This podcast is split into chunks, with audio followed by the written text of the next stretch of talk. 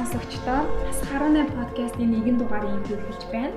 Энэ удаагийн дугаарт зочид хүрэлцэн ирсэн байгаа. Зочид маань Монголын сурагчдын холбоо лидер сурагч академийн үе үеийн тэргүүд хүрэлцэн ирсэн байна. За өөртөө танилцуулъя. За бүгдэнд нь өдрөөрөө өглөөний мэнд аа намайг оюун гэдэг оюулан гэж дууддаг. Одоо л 18 саяхан хүрлээ. Өмнө нь лидер сурагч академийн тэргүүн байсан 6 дахь тэргүүн байсан. Одоо бол Монгол Улсын их сургуулийн нийгмийн ухааны сургуулийн оюутан оюутны зөвлөлийн дараагаар ажиллаж байгаа нэг юм охин байна да. За бүгдд нь бас өдрийн мэнд. За намайг болохоор Уянга гэдэг Эрдмийн ундраа зах салбар сургуулийн 12 дугаар ангийн сурагч, лидер сурагч академийн 7 дугаар тэргүүн 17 настай охин байна. За манай хоёрын ажил амьдрал хичээл сургууль нь хэр вэ? Төдөө Монголд амьдрал арай л биш ээ. Энэ төгжрөл хөгжрөл бол арай биш вэ нөө. Гэж юм. Ангаа гэдэг юм. За яг л нөгөө ерөнхий боловсролын сургуулиуд боловсролын юмнаас нөгөө шийдвэр нь нааша чааша коронавигоос болол те нэгтэй 3 дахь тавтахад жоохон цаг үгүй баг тэрний дараа давтлах гээл тэгээ тэр шийдвэрүүд дунд нь сурагчид бид нэр жоохон төөрч бодлаа одоо яг дахиад хэвэн горимдоо орно гэсэн яг тэр шийдвэрээ хүлээгээл тэгэл байж да. За манай хоёрын дуудаж оруулж ирсэн шалтгаан гэх юм бол лидер сурагч актем гэдэг Монголын хамгийн том сурагчдын өөр удирдах байгууллага байдаг.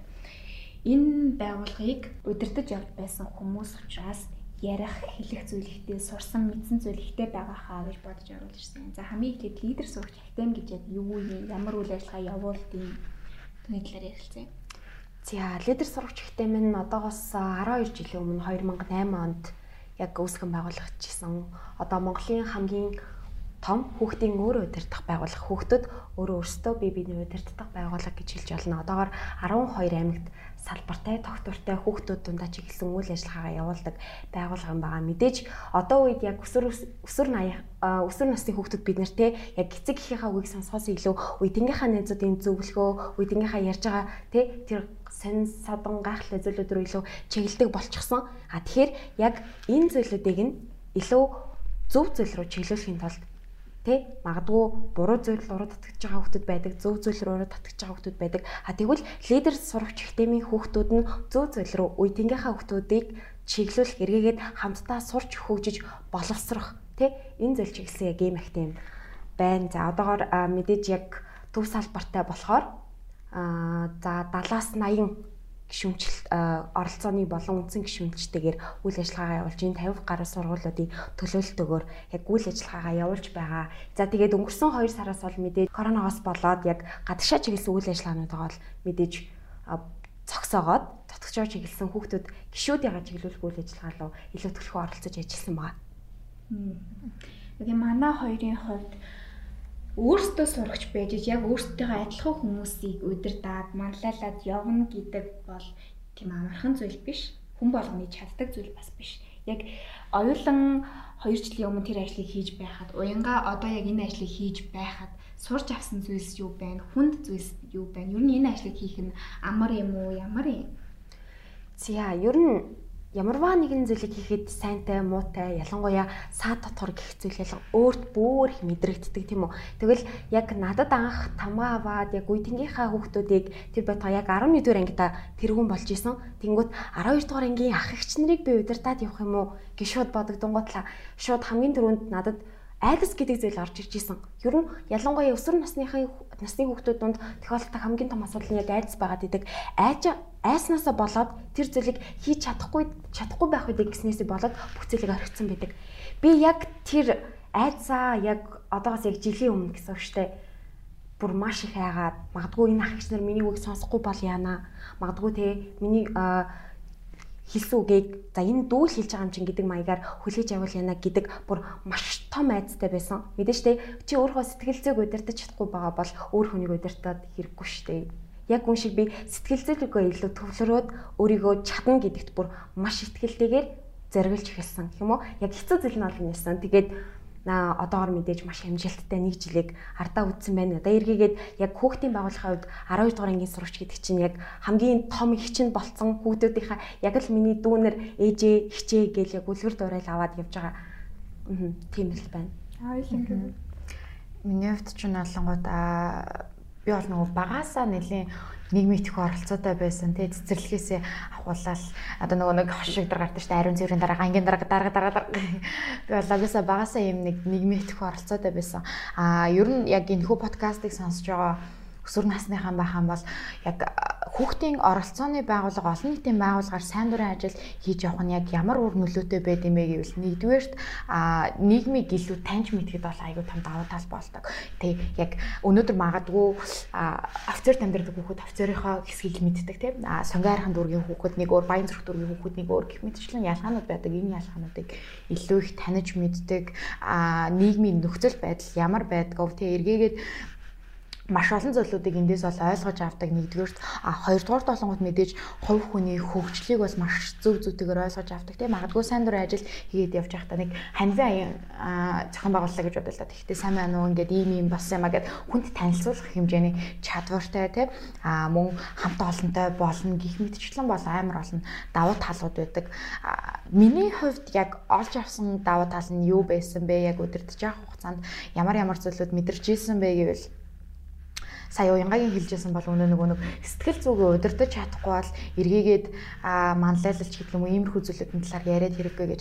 Яг нийгмийн итгэх оролцоотой явснараа хүн өөрөө нөгөө сэтгэл зүгээ айгүй удирдах чаддаг тий хамт олонтой болснороо илүү өөрийгөө таньдаг. Хүн ер нь нийгмийн харилцаанд орох тусмаа өөрийгөө таньдаг л та тэгэхгүй. Гэртээ суугаад ингээд аа эн чинь нэг ийм нөхөр байгаа даа гэл ингээд өөрийгөө бодоод байдаг хүнтэй харилцаж байхдаа тий. Хүн өөрийнх нь нэг дургу хүргэсэн үйлдэл хийхэд би ямар реакц гаргаж ийнү ч гэдэг юм уу энэ байдлаараа өөрийгөө бол таньж мэддэг. Миний хувьд бол өөрийгөө нэлээд сайн таньж мэдэж авсан аа мөн үеийнхин дундаа өнөөдөр магадгүй тий чамд надаас илүү чаддаг нэг зүйл байгаа. Уянгаад надаас илүү чаддаг нэг зүйл байгаа. А надад таараас илүү чаддаг нэг зүйл байгаа. Өнөөдөр хоол хийх байсан ч болно шүү дээ. Амар гой байцаатай идэг хүн байж болно шүү дээ, тий.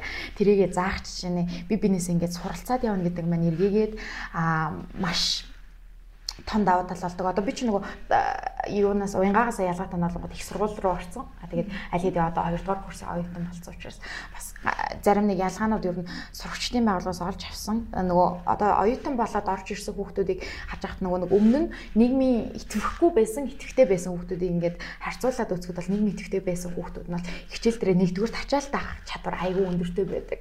Тэгээ 10 жил таахта бид нар нэгдүгээр 10 жилийн хичээлээ хийж байгаа. Хоёрдугаар тэ дүүгээ аав цэцэрлэгээс нь тэгэл гэрээ цэвэрлэн өдрийг ингээд бүх юмнуудаа амжуулаад сурцсан байдаг болохоор оюутан болоход цаг төлөвлөлттэй ачаал таах чадвар дээр маш том давуу тал гарч ирж байгаа юм шиг оюутнууд дээр бас ажиглагдчихсан.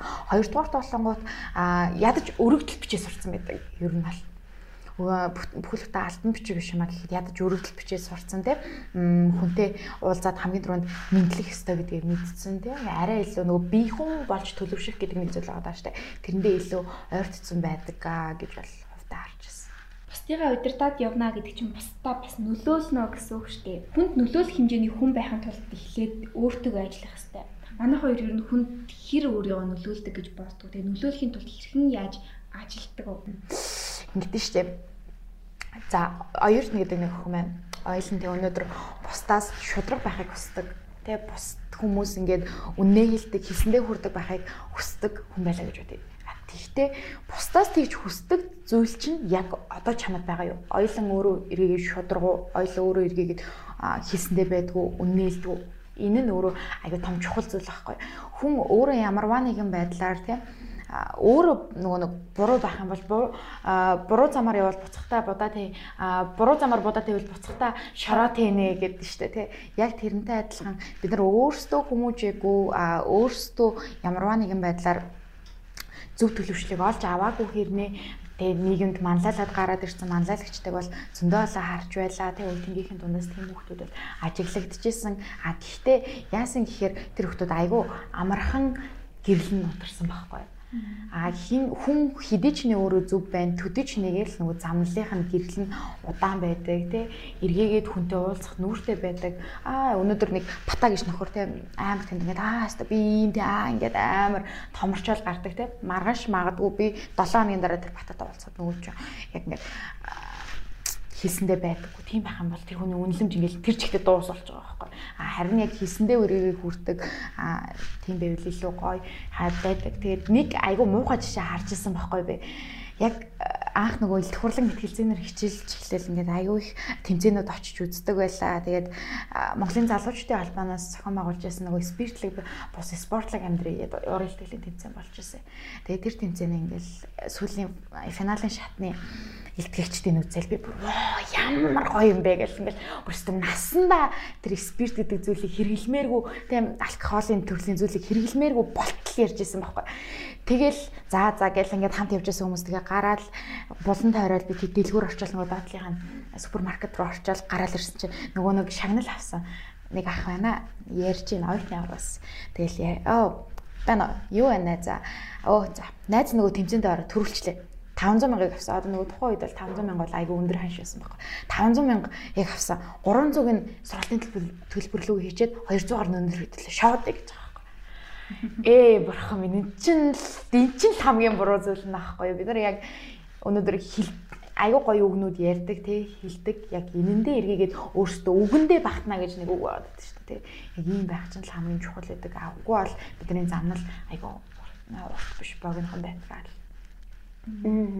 Зөв зөв. А тэнгүүт би болохоор уйдингийнхандаа яаж нөлөөлөхийг илүү хөсдөг байдгийн гингүүт би чи яг л нөгөө 3 дугаар салганы хойн суугаад юу ч хийдэггүй, яадагчгүй тэгэл нэг номоо багш даалгавар шалгана бүр гараад ир гэвэл нэг дөнгөж гардаг яг яг тийм сурагч байсан байхгүй дундаа гэдэг.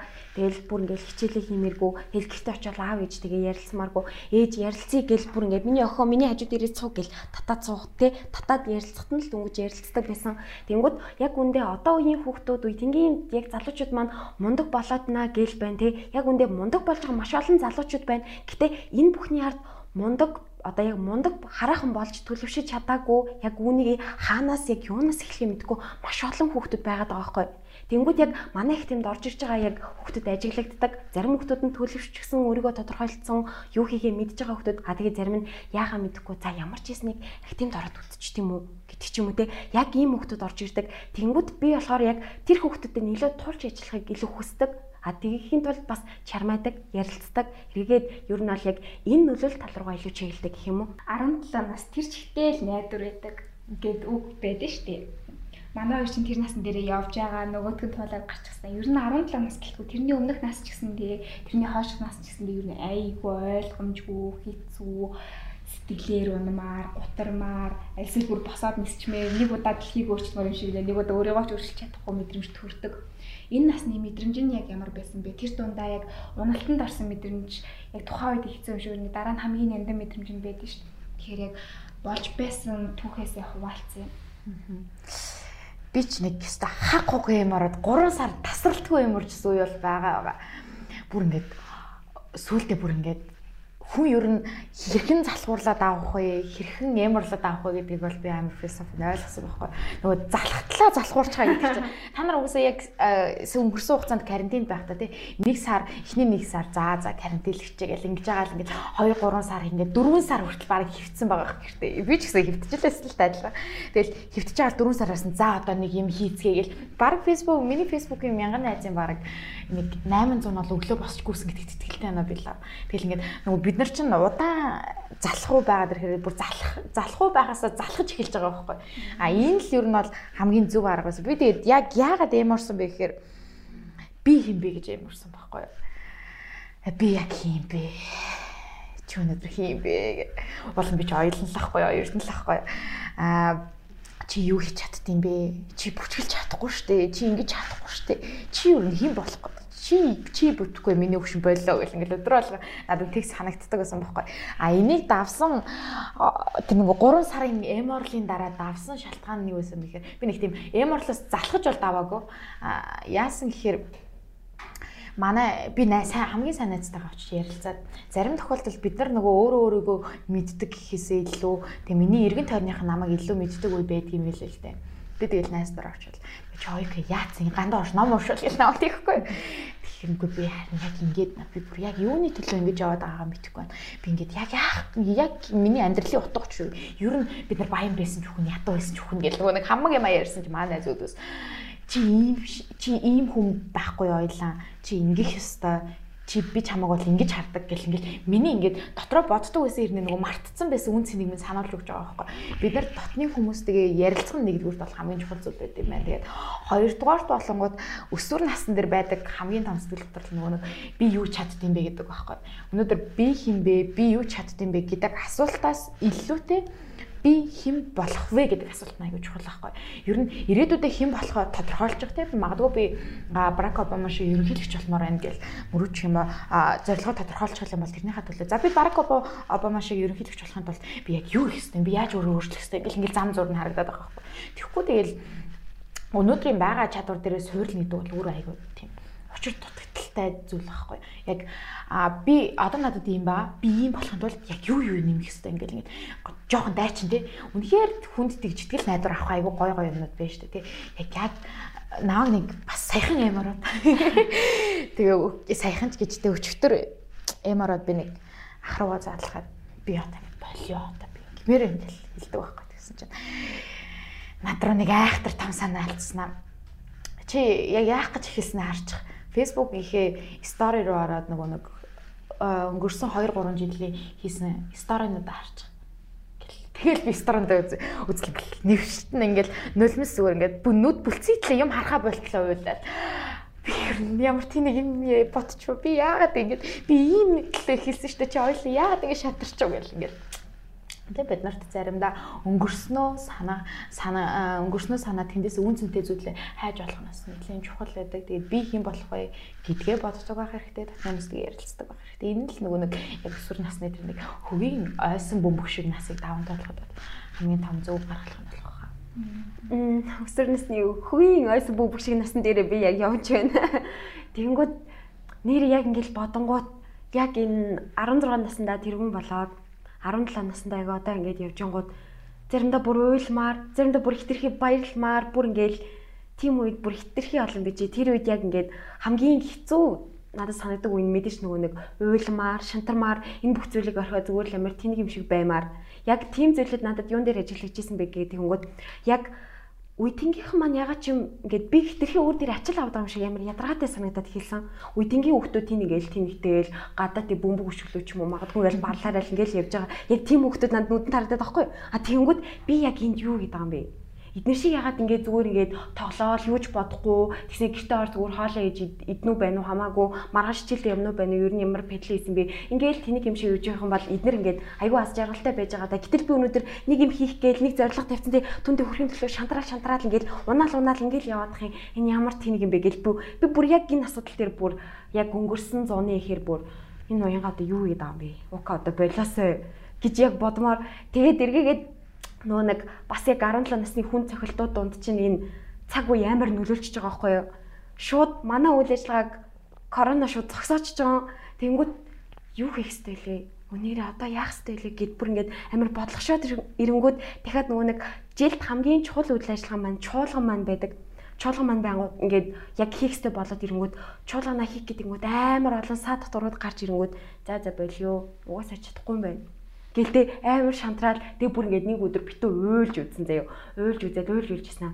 Нэрээ яах гэж анханасаа энэ энэ зүйлийг эхлүүлч вэ гэж бодоод тэгэл гинт гэл бодоод гэжсэн өө нэрээ ийм зоригтой байсан учраас нэрээ эхлүүлсэн шүү гэл гинт гинт бодогдоод тэнгуут яг нөгөө нэг яг миний бодож байгаа зүйлийн ер нь яг өсвөр насныхны бодож байгаа зүйлийн 3-ны 1 нь эерэг байгаад 3-ны 2 нь дандаа гээд сөрөг байгаад байхгүй. Тэнгуут шууд 3-ны 1 эерэг бодогдсон зүйлээ шууд цаасан дээр бичиж эхлэн гэсэн өө нэрээ анханасаа ингэж эхлүүлсэн. Одоо ийм ийм зүйлийг төлөвлөчих юм байна гэнгүүт өө ийм ийм зүйл төлөвлөхөд ийм зүйл сад дотор болно штэ гээд гэл. Нурчин нурж байгаа зүйлээ ерөөсөө ингээд тэр зүйлүүдэд хаяал яг 3-ны 1 амар гой зүйлсүүдэд тэмдэглэлийн дээр дээрээ бичиж бичиж агаал тэгэл яг зориглол за өнөөдөр ука хийн ука хийхгүй бол өөр хийн чихэхгүй гэл ингээл зориглол хийгээл хийсэн тэгээд яг чуулганаа амжилттай зохион байгуулад дуусах үед яг л өмнөх тэргүй оёлын хичээсээ тэр авсан том тэрвэрлт тэр магтаал магтаал гэхээс илүү зүгээр ингээд чатаар явуулсан тэр үг надад бүр айгүй үнцэнтэй байгаа юм чинь?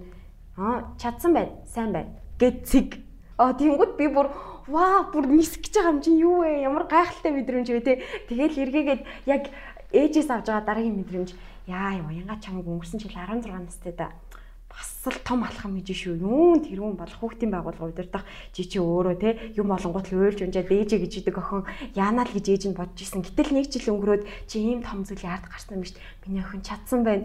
Гэл яг чуулганы дараа ээж намайг л тэрвэнгүүд би бүр хүүе ийм сайхан байд юм уу? Дараа дараагийнхаа үйл ажиллагаанууд ихтэй солиоруулаад өгөө дөө гэдэгтэй яг ийм ирч хүчийг аваад тэгэл ирч хүчийг авцсан байжсэн 9 сарын нэгэн болсон мэдээж өө тэгэнгүүт нөгөө хичээл дээрх яг нөгөө ерөнхий боловсролын сургуулийн нөгөө нэг 12-ны дунд чинь тэгэл хаад багш нар яэш гэж ярина эргээгээл хэл мэрэгжил сонголт гээл маш олон чухал зүйлсүүд тэгээд тэнгууд нөгөө сэтгэл санаа чинь бүр өө буцаал доошо за ука юу гэдэг байгаа лээ. Гэл гинти бодогдож эхэлнэ тэгэхээр яг ийм сонин сонирхолтой яг энэ насан дээрээ яг 3-ны 1 гэх яг тэр бодлол тэмдэглэлийн дэвтэр дээрээ маш сайхан буулгаад түүнийгээ бүрдүүлэхийн төлөө үр дүнгийн үүсгэхийн төлөө маш сайн чармах хэрэгтэй юм билээ. Аа сайн нөгөө нөгөө уянгагийн яран дээрээс яг ажиглагдчихж байгаа хэвээр тэгээ бид нар би биэндээ нэг сайхан үг хэлхийл юм бол тэр хүний амьдрал ингээл амар гоццгэлэг тэгээ өсвөр насныхан зүгээр бид нар ер нь цөөхөн эцээц хэдүүл цөөхүүл нь штэ. Би биндээ ингээл аягүй гоё. Өөстөө ийм байна, тийм байна гэл ингээл аягүй гоёор хэлдэг. Тэгээ болохгүй байгаа юм нөгөө шүүмжил шүүмжлээд бол э, шүүмжил бол хэрэгтэй. Гэхдээ гоё гаргалгааг нь хэлж өгдөг байхгүй бол тэр чинь гоё шогнол болчихж байгаа байхгүй. Аа ийм нь болохгүй, тийм нь болохгүй байна штэ. А одоо энэ нь ингэхгүй байна. Одоо тэгэхээр хэдүүл ингэцгээ гэдэг нэг ийм шийдэлтэй байгаасаа гэж бодно. Тэгээд э, сая уянгагийн яриг сонсч ирсэн чи гинт нэг ийм боддог, нэг түүх бодоглоо. Манай шав ингээд хуруугаа амар үевгүй болгоцсон байдаг байхгүй. Тэгэл харснаа ингээд хавруу нь ингээд бүр амар хавтцсан заяа. Тэгснэ ингээд хуруугаа хараад инээгээл ахгүй юу тэгсэн чи. Хот хот хот итлээ инээгээл татаж удлаа инээгээл тэнгуут би бүр гайхаад яана ахар сүлийн чуу гэж бодоод тэгэл хүч яасан бэ гэсэн чи. Үгүй багш энэ дээр Чингис огш унахад ийм болж байгаа юм чи. Оргио огш унсан бол би хурууг болох нэ гэх нөгөө арай миралг багш нь унсан бол тэгээд дуусах нэ гэх Эндээс нөгөө өөдрөг сэтгэл гэдэг чинь бүр яг энэ байгаа байхгүй юу. Тэгээ өнөөдөр айгуу гоё манай илтгэгчтэй нэг хэлсэн айгуу гоё үг гэдэг чинь харанхуу ан харанхуу ан гэж ярьлаа дахин. Ядаж нэг лаас агаач гэдэг шиг. Тийм угаасаа л хэдүүл стресстэй байна, хэцүү байна тийм ингээд тэр болгон дээр би бинийхээ ингээд гоё лагнасаа лагнасаа лагнасаа ер нь эцэц ямар шашинч шүтдэг бай буян гэдэг ойлголт бол байдаг тийм бүх шашинд. Ер нь эцэц нар чинь буян л ахгүй уянгагийн ярианд мэрэгжил сонголт хийсэн байна, донттой байна гэж асуудлаа. Мэрэгжлээ сонгосон уу? За мэрэгчлээ сонгосон. За тэгээд гээ сонгосон. Тэгээд мэдээж яг 12 дугаар ангингууд тэр мэрэгч яг нөгөө сонголтын яг яг сонголтоо гэж шууд орох яг нас байгаа даа шүү дээ. Тэнгүүд яг сонгоцсон байжсэн мэрэгжил за тэр нь жоохон тэр тэр тэлтэй алдагдaltaй ч юм уу гэдэг. Тэнгүүлээ дахиад тэр тэр дээрээ ч юм уу гэж яг бодогдоод одоогоор яг ерөнхий бол сонгосон чиглэл манд бол байгаа. Тэр дотроо мэрэгчлүүд яг наашин чаасан сонгоод л ер нь бол байж байна. Ойлонгийн мэрэгчлээ сонгоцсон дагуус тураад явж байгаа тий. Сэтгэл судлалаар сонсон. Хэрхэн яаж мэрэгчлээ сонгосон бэ? Мм би ихтэй айгу зовлон бахтай сонгоцсон байх гэж боддог шүү дээ. Яасан гэхээр би анх 9 дугаар ангиас хойш мэрэгчлээ бодоол за одоо мэрэгчлээ сонгохгүй болохгүй гэл явж явж байгаа л яг 11 дугаар ангита за би яг сэтгэл судлаар сурах юм байна гэл шийдсэн. Эндээ яг ямар алхмад хийжсэн гэхээр нэгдүгээр талангууд яг мэрэгжлийн сэтгэл зүйчдэр очиод өөрийнхөө нөгөө темпераментыг тодорхойлуулаад тэр ажил мэрэгжлийн тест гэж байдаг байхгүй ажил мэрэгжлийн чиг баримж олгох тест гэж байдаг. Тэр тестийг бөглөж үзээд тийм а ийм боломжит мэрэгжлийн хувилбарыг гараад ирдэг. Тэгээд ер нь оловсрол насныхандаа зөвлөхөд таад Facebook дээрээс мэрэгжлийн цагаан толгой гэдээ хайгаад үзээрэй. Тэнгүүт нэг ийм пэйж гараад ирж байгаа. Тэн дээр 100 мэрэгжлийн тайлбар байдаг. Тэгээд бидний өнөөдөр айгүй би айгүй өрөвдөлттэй нэг юм байдгийн зүгээр бидний мэрэгжлийн чиг баримжаа буюу нэг мэрэгжлийг мэдж байгаа чагсаалтуудыг мэдж байгаа. Одоо Монголд ихэд ажилдаг 500 гаруй мэрэгжил байдаг гэвэл хинч байхгүй. Тэгээд бид бид нар нэг 15 6 ах мэрэгжилтэй имж багш хуульч цагтаа тийм ийм мэрэгчлүүд байдаг юм шиг төсөөлөж байдаг. Энэ нь бүр дотроо задраад хууль хэдэл дотор ингээл хуулийн сэтгэл судлалтай гинт хэрэг бүртгэгч ингээл ингээл янз бүрийн ингээд телсэн ондоо ондоо мэрэгчлүүдтэй тийм аа тэгэл юу гэхэд одоо өөр эдийн засаг чигт чи эдийн засаг дотроо тэг нэгтлэн бодох аауд идгэл ингээл янз бүрээр салдаг энэ болгоны ингээд нарийн тэр мэрэгжлүүдийг мэдэх мэдлэг жоохон тутмаг байгаад байт юм одоо гэж өсвөр насны хамбар хаардаг ус. Тэгээд би азар тэр нөгөө мэрэгжлийн цагаан толгой гэдэг юутай танилцаад аа ийм олон мэрэгжлээд юм чи би бүр нэг хэсэг өөрийгөө байгаль орчны нөхөс сэргийгч болъё ч гэж боддог байсан. Тэгээд яг мод тарьж марж би бас нэг нилээд мод тарьдаг байсан. Одоо имлүүн сомын явах замд байдаг модуудыг бол тарьж исэн, тарилцаж байсан. Бүгдийг нь бол тариагүй. Гэтэ тарилцажсэн. Тэгээд тэр хугацаанд за би энийг ер нь бүтэхгүй байна гэл ингээд ер нь бол өсвөр насн дээрээ бид нар нэгдүгээр толгой тэр сэтгэл зүйн тестийг хийгээд авчвал бас нөгөө өөрсдийнхөө чиг баримжийг мэдээд авчих. А хоёрдугаар толгой тусан тасн дээр амар гоё олон юм туршиж үз. Манай загварын багш хэлдэг байсан байхгүй юу? Та нар ингээд гой завтай байгаа дэрэ ном унш ингээд айгүй гоё юмнууд турш миний хүүхдүүд тэгэхгүй бол та хүүхэд гаргаал ингээд юу ч юм бол гэр бүлтэй болол гэх юм бол завгүй болно гэдэг. Угаасаа өсвөр нас чи бүр хамгийн гоё юу байхгүй хамгийн гоё завтай тий. Өнөөдөр хөвтөж явахтаа хүртэл айгүй гоё юм туршиж үзмэр байхгүй. Хөвтөж явахтаа хүртэлтэй ингээд хоёр ингээд гарынхаа хуруунуудыг салгаж чадж байна тий. Эднэрээ ингээд ингээд турших чинь бас туршилт байхгүй. Айгүй гоё тийм үр дүнтэй гоё туршилттай өнгөрүүлвэл тий гой байх болов гой байх болов гэмээ хадуурч байна. А шин зүйлийг турших тусмаа бид нар нөгөө нэг мэрэгжлийн чиг баримж аа эн чинь нэг ийм анзааны байдаг юм байна. А эн чинь би чадах юм байна чадахгүй байна гэдгийг мэдээд автаа учраас шин зүйлүүд тал туршдаг байгаасаа гэж бод хэлмээр тэгээд а гэр бүлээс ер нь өсвөр насныхан дээр мэрэгжил сонгоход нэг л аягүй хэцүү юм байдаг. Би нэг ийм мэрэгжил сонгоч. Одоо жишээлбэл нэг нь онгоцны үйлчлэгч буюу stewardess болохыг хүсэж байвал аа би одоо ийм болох гэсэн юм аа аав ээж гингүүт. Чи юу яриад байгаа гэл ингээл ээж аав нь эсрүүцдэг. Энд чи аягүй том асуудал байд юм шиг ер нь бол дийлэнх олох төр харагдаад байдаг. Энийг яг яаж даван туулсан бэ гэхээр Аа би бол аягүй тэмцэл хийсэ. Ингээд мэрэгжлийнхаа тухай юугаал танилцуулаад аав ээж юм чаа тэнцдэг мэрэгжил байхгүй. Ингээд манай хөрөл нэг тийм арай өөр мэрэгчлэр тийм нэг хуйлын мойл ч юм уу те тийм мэрэгчлэр бол явуулж хал санаа байсан.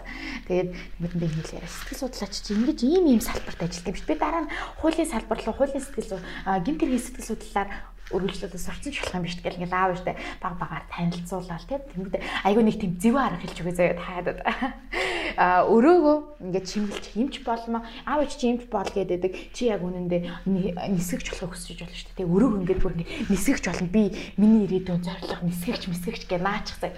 Тэгэхэд хизээч эцэг ихүүд тийм хүүхэдтэй хайртай. Тэгч их хүүхдийнхээ өсөж мөрөөдж байгаа мөрөөдлийг гიშгэлэхгүй л байхгүй Тийм учраас тэгээд эцэг ихтэйг нэг тийм зөвхөн тэмцэл хийчих хэрэгтэй байхгүй. Тэгэл ээж керманд захиа гэж юм уу?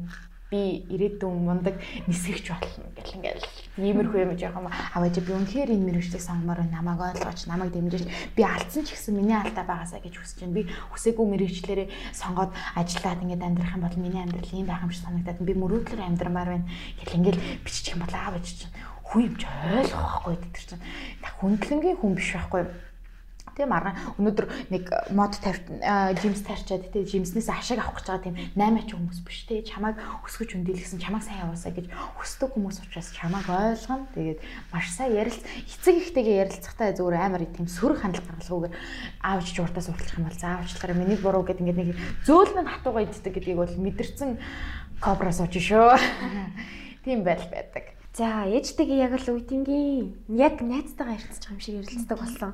Тэгээ мэдээж яг энэ зүйл нь улаас нь мэдээж яг найзууд маань яг лидер сурагчтай энэ анх дунд ангид орж ирээл яг ээж автагаа яаж харилцах хэвтэйг мэдэж аваад тэг тэрнээс биш ээжтэй илүү сайн ярилцдаг болсон. Тэгэд яг мэрэгжил дээр яг тэгжээс аахгүй инженер тал руу уул уурхай инженер тал руугаа манай ээж аав маань яг нөө удам дамжсан мэрэгжил гэж байдаг штэ тий яг тийм мэрэгчлэр ер нь миний хүн яг ер нь сурандаа тий би яг математиктэй ч өөр айгүй дуртай байсан. Тэгэл яг мэрэгчлээ гин талаар сонгоцсон байжсэн чинь яг үндэ үнэхээр цаашдаа би та гуул урхан инженерийн бүр ингээд насан туршдаа энэ мэрэгчлэр амьдраад явах уу гэдэнгүүт үгүй байсан байгаа байхгүй. Тэнгүүд яг ээжтэйгээ одоо яг баг багаар ярилцдаг ээжээ ингээд бодсон чинь инженерээр би ингээд цаашдаа ингээд насан туршдаа амьдрна гэхээр бас болохгүй юм шиг. Тэнгүүд ээж арай тийм байна уу? Тэгвэл чи дахиад өөр мэрэгжил бодож үзсэн үү гээл. Тэгэл яг ийм маягаар яг ээжтэйгээ илэн талангуу эргээгээд үе тэнгийн найзууд маань амар олон зүйлсүүдийг эцэг хийсээ нуудаг. Эргээгээд тэрнээсээ болоод маш том том асуудлууд гарч ирдэг.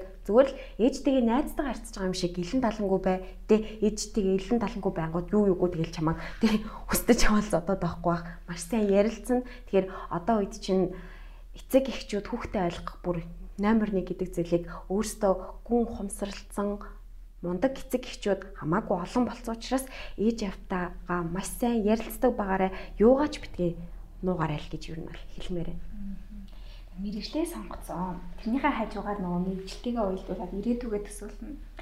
5 10 жилийн дараахыг төсөөлнө 20 жилийн дараахыг төсөөлнө хүн болгон төсөөлсөн байгаа манай хоёр ч гэсэн төсөөлсөн байгаа тийм тэгэж төсөөлж явах зандаа за би яг тэнд хүрэх зэгтээ өөрийнхөө энэ л нэмийн зүйлийг энэ л зан чанарыг алдчихгүй юмсан гэж боддог та хоёрын Миний хувьд бол яг одоо би чинь амар тусч хүн байхгүй хин хинээс ч хизээч хариу нэхэлгүй одоо ингээл нуус дээр ингээл юу ч гэдгийг хинийг ирэл надаас тусалцаагаа бол өргөж бичээд өгч ингээд цаасан дээр ингээд хулаад өгч гэнэ. За за окей гэд ингээд мэддэг чаддаг зүйлээр бол хүндээ аягүй их тусалдаг. Хизээч хинээс ч хариу нэхдэггүй те. Би хинийг ч надаас миний чаддаг зүйлийг гуугаад ирэх юм бол хизээч үгүй гэдэггүй. Тэгэхээр энэ зан чанараа хайчихгүй байх юмсан гэж боддог. Тэгээд манай аав багаас хүн том болох гэж хүн болох гэж яараа гэж айгүй их сургадаг байсан. Тэгээд энэ хүн чанар энэ мөн чанараа алдчих байх юмсан гэж айгүй их хичээдэг тий. Заримдаа үнэхээр би нэг тийм яг үнийг хэлэхэд заяа нийгэм дээр үнэхээр хүн чанараа алдаад бүр ингээд хөгийн зан гаргаад явмаар үе байдаг байхгүй юу? Аа энэний амьдрал надад ямар хамаатай ингэж бодоод хаймаар үе байдаг ч гэсэн. За за хүн л юм да гэл. Ингээл үлдэх үе байдаг. Энэ зан чанараа энэ хизүү хатуу хар бараа нийгэмд алдчихгүй байх юмсан л гэж аягүй боддог. Тэгээ энээс олж өөрөө ч бас хайдаг амар шаналаад байгаа юм шиг санагдаад байдаг шүү дээ. Зовоод байгаа юм шиг илүү их зовлон өрөөд байгаа юм шиг. Миний хувьд болохоор маск гэдэг зүйлээр сүүлийн үед бүр маш их анхаарал хандуулад байгаа. Ямар вэ гэдгийгүүд ингээд яагаад ч юм хүн болгонд харилцахдаа аюу олон зүйлийг боддог болсон. Энэ хүн жинхнээсээ надтай яг тэр масктай одоо яг миний хувьд маск гэдэг шүү дээ. Энэ масктай хувилбараараа ирээд нүн үнэхээр чин сэтгэлээсээ надтай ярилцаад нү гэдэг зүйл Тэнгүүд би аль болох хүмүүстэй маска хөлбраараа ярихыг хүсдэг. Яг чин сэтгэлээсээ үннээсээ өө би юм байна чи юм байна уу? Тэгвэл яг хоёлын энэ зүйлийг хамт шийдэх үү гэдэг маягаар тий Тэнгүүд яг өсвөр насныхаа үед нөгөө нэг хитрхи гой ганган хийнцэр магадгүй ингээл яг нийгэмд гараад ирэнгүүт үнэхэр хөрөнгө мөнгөтэй ч юм уу магадгүй тий яг энэ үзэл нь бүр амар их давуу болцсон тийм учраас ийм масктай төрхөөл яг энэ маскгүй байгаа төрхөө нийтэд ил тод болгож байгаа шиг цаашдаа ч гэсэн би маскгүй байгаасаа гэж өөрийгөө бүр ингээд маш их зоригжуулдаг, маш их хүсдэг. Ирээгээд надтай харьцаж байгаа хүмүүс үнэхээр чин сэтгэлээс харьцдаг байгаарэ. Зүгээр тэ надтай ирээл амар пялганаал хүү ээ сайн уянга юу байна? гэл гэжсэн тий цааш хэрэгэл өөр хүмүүст очил энэ укач нэрээ? гэл ярьдаг те. Яг иймэрхүү масктай дүр төрх хитрхи олон болчихсон. Тэгэхээр маскгүй төрхийг өөрийнхөө энэ маскгүй зүйлэл хадгалж өрөлтгийг хичээдэг дээ Оюутан маань оюутан 2 дугаар курс болсон. Тэрний өмнө сурагч байсан. Тэгэд эндээс анзаарч хаад сурагч байх, оюутан байх хоёрын ялгаа нэг юу байна? Мм маш их ялгаатай. Би бол анх сургуульд ороод би өөрөө нэг тийм ботгорн ботгорн гэж бол үнэхээр бодоагүй. Би бол үнэхээр ботгорсон. Би үнэхээр 2 7 хоног бол за би буцаад 10 жилдээ очиод гэж хэлмээр байсан. Аа илүү хариуцлагатай, илүү бие даасан болдог Тийм. Хариуцлага гэдэг нь эрцээ магадгүй чи өнөөдөр худлаа бичүүлж болно шүү дээ. Багш нар ингээд зарим багш нар зүгээр цаасаа цаас дундуур нь гүйлгээд за эрцээ бичих гээл тэгдэг тийм. Хичээлдээ суугаа үжис найз руу зарлаа. Өө миний эрцээ биччихээ гэх Ингээд энэ нь баригдуул юу болтгоо тийм их сургууль бол илүү их хариуцлагатай тийм өнөөдөр чи ийм байх хэвээр тийм байх хэвээр. Яг энэ гэрээний дагуу харилцдаг сургуультайгаа багш нартаа гэрээнийхаа л дагуу харилцдаг. Яг өөрийнх нь хариуцлагыг өөрүүлдэг тийм хичээлээ хийгээгүй хичээлээ таслаад явсан бол а унгаадаг тий дахиад хичээлийн үзүүлдэг сургадаг ийм зүйлүүд байдаг. Гэхдээ ер нь бол 10 жилдээ хийж чадаагүй нэг юм даа амар юунд бол их сургуульд орж ирээд яасан гэхээр би ингэдэг байсан байхгүй юу. За би угаасаа нийгмийн ер нь талаар явна. Гэхдээ одоо надад бол нэг тийм тэгээ газар зүйч гэх юм уу физик гэх юм уу хичээлүүд хэрэггүй гэж одоо хайцсан байсан байхгүй. Гэхдээ уучлаарай 10 жилд үзэж байгаа энэ бүх хичээлүүд чинь эргээгээд нөгөө их сургуулийн хичээлийн суур байдаг. Бүх шинжлэх ухаанууд хоорондоо нөгөө нарийнхаа хэлсэн судсаар холбоотой байдаг гэдэг шиг яг бүх шинжлэх ухаанууд маш холбоотой. Тэгээд би сэтгэл судлалыг бол яг ингээд аа намайг оронгууд за сэтгэл хөдлөлтэй хүн ийм харагддаг. Энэ хүнд ингэж хэлдэг гэж заах юм болов гэсэн чинь эргээд бүр тарихны шинжлэх ухаан байгаа байхгүй юм. Тэгээ хүн ингээд намайг тэнэг хэлэх юм бол би дотор ямар реакц үзүүлэх вэ? Миний тарих дотор тэр нейронууд, синапсууд яаж ажиллах вэ? Энийг эргээд судалдаг байгаа байхгүй. Тэгэхээр миний нөгөө 10 жилийн биологи хичээл. За тэнгуүтэ нөгөө сэтгэл судлал руу ороод ирсэн чинь угсаатны сэтгэл зүй гэд гараад ирж байгаа. Нөгөөх нь газар зүйт ирчихтэй хамаатай. Тэгээд дэлхийн бөмбөрцгийн одоо цаг агаарын байдлаас ингээд хүмүүсийн зан харж юм нөгөөдгөө мартцсан. 8 дугаар ингээд газар зүйн хамгийн сүүл хийжсэн байгаа байхгүй юу? Тэгэл яг нэг өөрийнхөө дагнах хичээл нийгэм, математик, монгол хэл, англи хэл дөрвөл барьсан. Тэг бусдыг мартсан бас. Тэгээд физик мэдzik хүртэл гараад ирж байгаа байхгүй. Одоо сэтгэл физиологи дээр л гэхэд физик ороод ирсэн. Бүр яа наа яаж том юм ингээл ингээд нөгөө 10 жилийн одоо нөгөө и контентцийг идүүцэг юм ингээд та гэдэг номны юу гэдэг штэ. Тэрийг ухаал ингээд эхнээс нь юу гал эргүүлж авч шин тийм энэ 10 жилд зааж байгаа тийм багш нарын чинь над ядаргаатай яриад байгаа юм шиг зүйлүүд чинь бол бүгдээр амьдрал дээр ялгсан сүцээр холбоотой байдаг. Тэгэхээр бүх зүйлийг ингээд бүх хичээлээ аягүй сайн судалж байгаарай тий. Энэ энэ салбараар би явахгүй юм чинь гэж үнэхээр бодож болдоггүй мэлээ. Бусад салбарууд дээр ч гэсэн тий. Уул уурхаагаар явсан ч гэсэн нийгэм хамааралтай л байхгүй. Түүх хамааралтай л байхгүй. Сонсогчд маань ерөнхийдөө яг бидний үеийнхэн байгаа. Асах 18 чууд байгаа. Тэгээд яг эдгээр хүмүүст хамгийн хэрэгтэй өгнөд байд юм а. Бүх цаг үед аа магадгүй нэг сонсож байгаа хүмүүс нэг хөөрөөд баярлаад амжилттай яваа нэг сурагч чиж магадгүй альсаа сэтгэлээр унтсан давтурцсан яваа нэг юм чиж магадгүй яг эдгээр хүмүүст зориулаад үг хэлээ бүгдээрээ яг одоо та сэтгэлээр унтсан яваа бол тэгэрээ а магадгүй хитрхи жаргалдаа билурцсан яваа бол ингээрээ гэв би зүгээр өсвөр насн дээр хэдий ч нэ асуудал тулгарна. Тэг асуудалтай зовлонтой байгаад их бол би баярл гэж хэлмээр цаа. Яагаад тэгэхээр өсвөр насн дээр хүн хэдий ч нэ асуудалтай тулгарна хэдий ч нэ тэрийгээ даван тоолно тэр чинийгээр амьдрал бэлтгэгддэг байхгүй юу. Тэг бид нар заавал зовлон байж ийж жаргалыг мэдэн жаргалынхаа үнцнийг мэдэрдэг тийм. Өсвөр насн дээр асуудал тулгараал нэг юм өнөөдөр бүр гэрчин идэх талахгүй ч гэж болно шүү дээ. Тэр зовлон мэдрээд үзчихсэн. Тэгээ би өлсгийн зовлон мэднэ гэдэг хүмүүс бол цаана ондоо байхгүй. Тэгэд зовлон мэддэг байх тусмаа бид нар жаргалыг яаж олж авах вэ? Бусдыг зовоохгүй тулд ямар байх вэ гэдгийг маш сайн мэддэг учраас зүгээр өсвөр насн дээр над тулгарч байгаа тийм найз залуугасаа салж байгаа, хаягдж байгаа, хайж байгаа тийм тэр бүх мэдрэмжээ хайрал над зүйлүүдээс зүгээр жаргаж зов гэж байгаа шүү дээ. Бүх юмыг гоё жаргаж хийх хэрэгтэй байхгүй. Хэдий ч нэг асуудал тулгарсан төдий ч нэг л ч амьдрал бэлтгэгдэнэ. Тэгээд хинч чамайг юу ч гэж хийлж болно. Чи өнөөдөр хисан дотор нуугдсан сувтч байж болно. А эсвэл аль хэдийн хисаагаа дэлгэцсэн сувтч байж болно. Гэхдээ эцээ эцэд бид бүгдээрээ сувт байхгүй. Хизээ нэгэн зэрэг дэлгэрэх, нэгдэх, хаагдах, нэгцэн хаагдсан үгүй. А цаг хугацааны ялгаатай ч гэсэн биднэрт өөрийн тэр дотоод чин зүрхний мөн чанар гэж байгаа. Тэр зүйл чинь л хамгийн үнцэнтэй шүү. Өнөөдөр чи өөртөө итгэхгүй бол өөр хинч чамд итгэхгүй, чи өөрийгөө хайрлахгүй бол өөр хинч чамайг хайрлахгүй шүү л гэж л Аа. Магадгүй чи хитрхи баяртай баяртай байгаа, амжилттай байгаа ч гэсэн а бас магадгүй хитрхи гончгсан, уйлчгсан, эм орсон байгаа ч гэсэн чамд юу байгаа гэвэл цаг хугацаа гэдэг зүйл байгаа. Өнөөдөр яг 18 нас хүрээгүй үе тэнгийн яг найзууд манд хөвчлэн яг 10 жилийн сурагчид байгаа тийм үү. Тэгвэл 10 жилийн сурагчид цаг хугацаа гэдэг зүйл үнэхээр чамд байгаа шүү. Энэ зүйлийг л маш сайн үр дүнтэй ашигладаг байгаарэ чи үнэхээр маш гайхалтай том ажлын ард гарсан байгаа ч гэсэн за одоо өөрийгөө амрах хэрэгтэй гэж бодж бол үгүй амрах биш. Чи төлөвлөгөөгөө гаргаад дараагийн ажилдаа шандах хэрэгтэй. Үнэхээр хайр дурлал ч юм уу магадгүй тэрхүү сонин сонин за магадгүй сонин ч штэ чиний хувьд чухал байж болох тэр асуудлуудаас болоод гуниж гутарсан байгаа бол гуниж гутрах цаг юусоо биш. Чи дараагийнхаа дахиад төлөвлөгөө гаргаад яг одоо эхлэх ёстой. Энэ зүйл дээр бүр маш сайн анхаардаг байх хэрэгтэй. Эргээгээд хэлэхэд 10 жил сурж байгаа найзуудаа би энэ зүйлийг бүр заавал хэлхийг хүсдэг.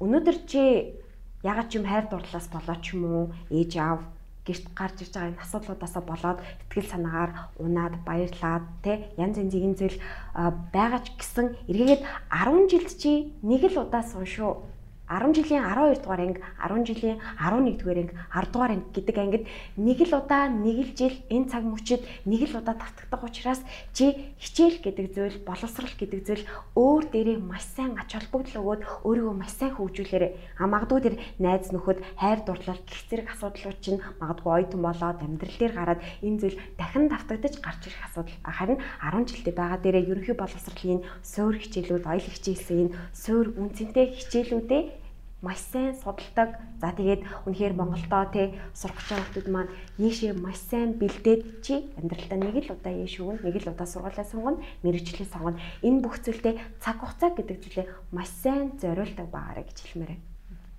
Тэгэхээр баярлалаа. Нэг юм байна. Тинт нэг юм саналаа. Яна энэ подкаст айгүй урт болж байгаа. Аа нөгөө Америкийн ахлах сургуулиудын аа Америкийн ахлах сургуулиудын нэг киног үз кинонуудыг ер нь үзэж яхад нийтлэг ийм кейсүүд гарч ирдэг л дээ. Юу гэдэг вөхөр нөгөө 10 жилдээ амар суг байж байгаа л дээ ингээл амар шовдрлогддог царай муутай тий.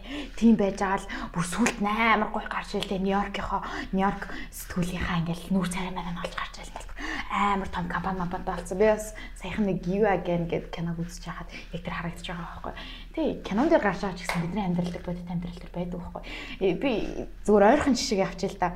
Монгол улсын ерөнхийлөгч Бат Толгой Баянгор аймгийн гаралтай. Тэгээ нөгөө манай гэр бүлийнхэн Баянгор их болохоор бас ингээд айгүй бид нэг мэднэ л нөгөө нэг аа тэгээд Бат Толгой яг аа 10 жилдээ байхдаа онц сурдаг гэсэн үг үгүй байхгүй их сургууль сурсан үг бас асуудалтай байхгүй.